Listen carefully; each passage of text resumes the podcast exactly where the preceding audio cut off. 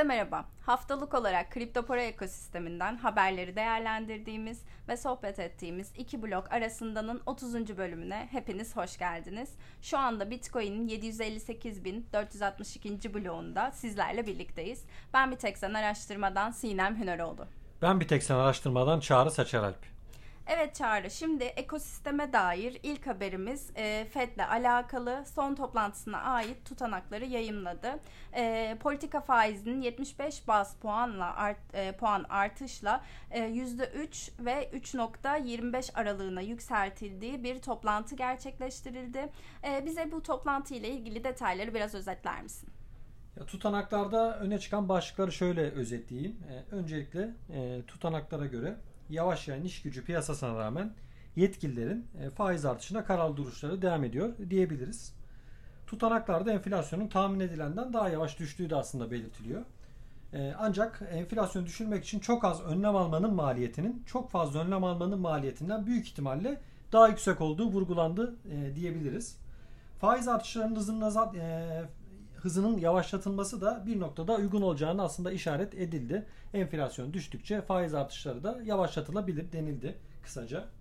E, bu arada Sinem piyasalarda gözler ABD'de bugün açıklanacak Eylül ayı enflasyon verilerine çevrildi. Manşet enflasyon geçtiğimiz ay 8.3'tü. Bu ay beklenti 8.1. Çekirdek enflasyonda geçtiğimiz ay 6.3'tü. E, bu ay beklenti 6.5. Tabi e, beklentilerin üstünde bir artış şüphesiz Fed'in faiz artırımı konusunda daha da şahinleşeceği anlamına gelebilir. Bilmeyenler olabilir. E, çekirdek enflasyonda derken neyi kastediyoruz? E, çekirdek enflasyonda gıda ve enerji gibi kalemler dışarıda bırakılır. Yani Merkez Bankası'nın doğrudan kontrolünde olmayan kalemler e, diyebiliriz çekirdek enflasyon için Sinan. Bunu da hatırlatmış olduk. Evet.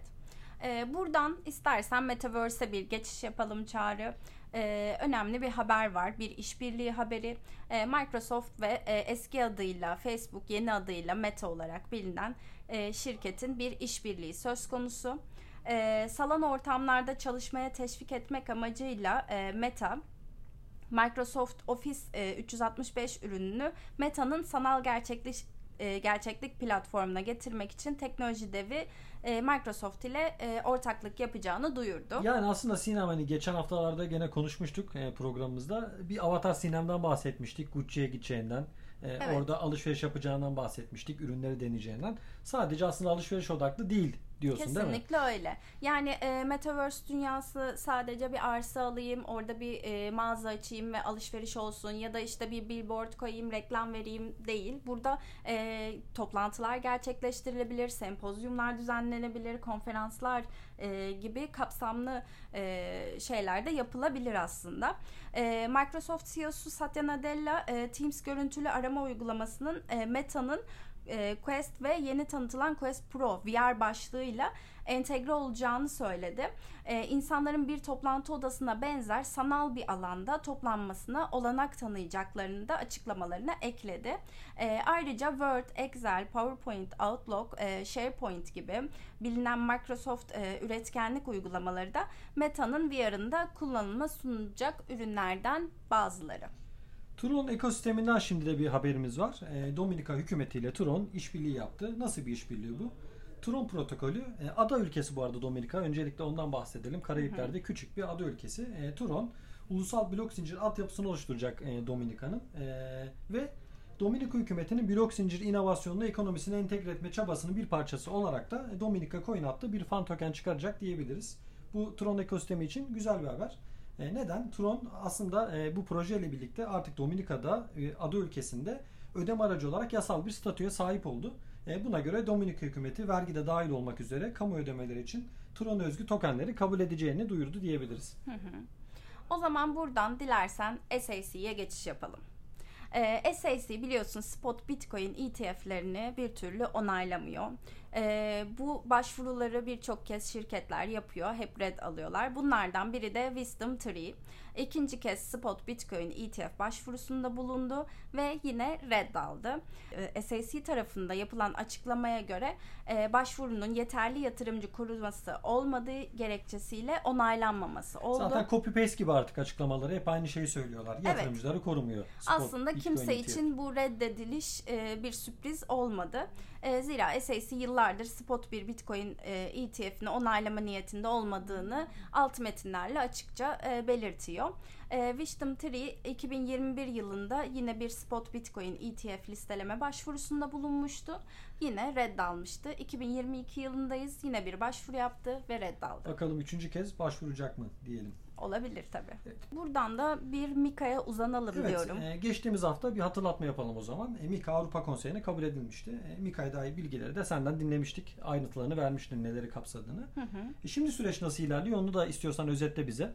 Yani aslında şöyle ilerliyor Çağrı. Ee, şimdi AB'nin kapsamlı kripto para düzenlemesi MiCA Avrupa Parlamentosu'nda e, komite oylamasından geçti. Başlığımız bu. E, merakla beklenen kripto varlık piyasaları mevzuatı olarak aslında geçiyor. İki yıl süren tartışma ve taslak hazırlama sürecinin ardından e, komite oylaması okeylendi. Peki bu komitede oylamada nasıl bir sonuç çıktı ortaya? E, 28 lehte bir aleyhte oy e, verildi. Mevzuatın nihai onayının ise bu ay sonunda gerçekleşmesi aslında planlanıyor. Avrupa Parlamento üyeleri MIKA'nın yanı sıra kara para aklama karşıtı yasa tasarısı da geliştirdi. E, bu tasarının adı ise fon transferi yönetmeliği. Bunu da yine oylamaya sunacaklar e, ve sonuç olarak bu yönetmeliğin de kabul edilmesine kesin gözüyle balık bakılıyor gibi e, bu tarz kulis konuşmaları var. E, Mika 12-18 aylık bir adaptasyon süresi e, içermekte. E, Mika'nın yanı sıra da en erken e, Mika yasasının en erken 2024 yılının başında yürürlüğe bekle, e, girmesi bekleniyor diyebiliriz. Evet, teşekkür ediyoruz. E, yine aslında Metaverse'e dönelim. E, Multiverse Labs e, Baye'de yani Birleşik Arap Emirlikleri'ne devlet destekli bir Metaverse şehri kurduğunu duyurdu.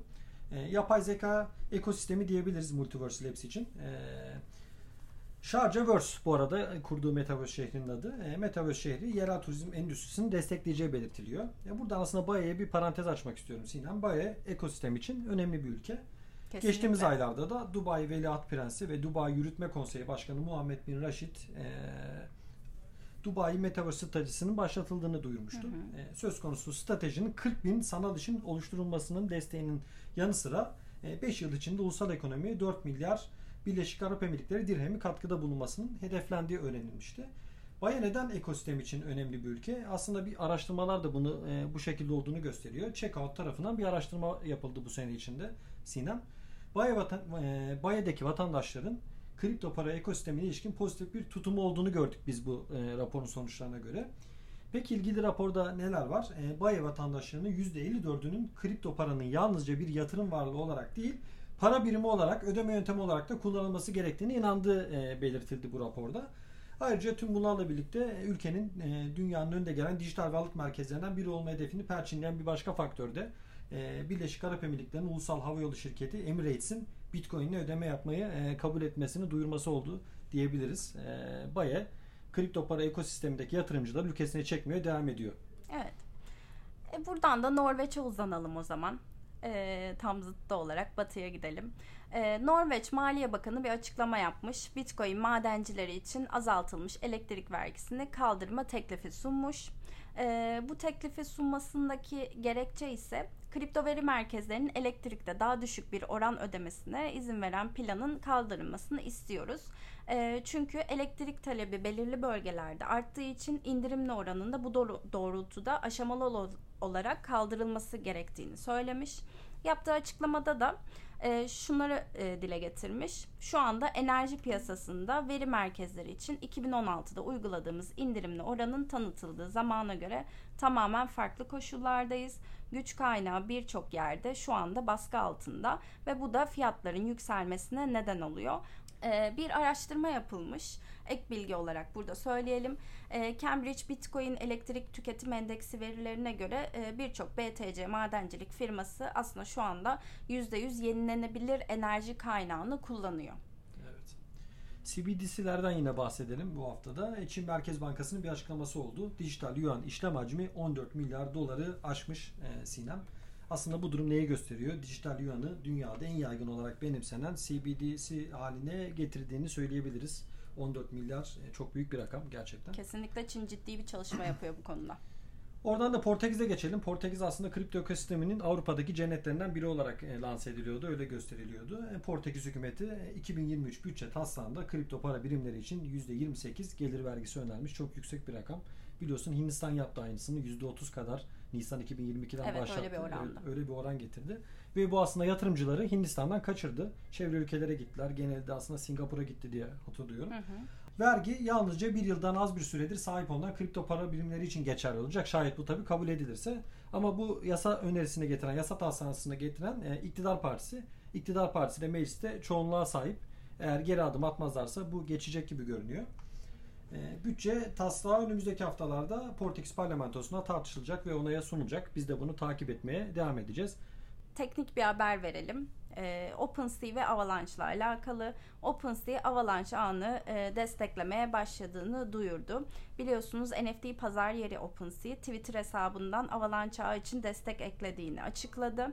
Ee, bu açıklamaya göre OpenSea kullanıcıları Avalanche tabanlı NFT'lerini platform üzerinde görüntüleyebilecek ve listeleyebilecek. Ee, ek olarak e, hali hazırda zaten OpenSea, Ethereum, Solana, Polygon, Clayton, Arbitrum, e, Optimizm ve e, e, şimdi de Avalanche ağlarını e, bu anlamda destekliyor. İki blok arasındanın bu haftaki bölümünün sonuna geldik. Bitcoin'in 758.463. bloğunda sizlere veda ediyoruz. Haftaya görüşmek üzere, hoşçakalın. Shutterstock Music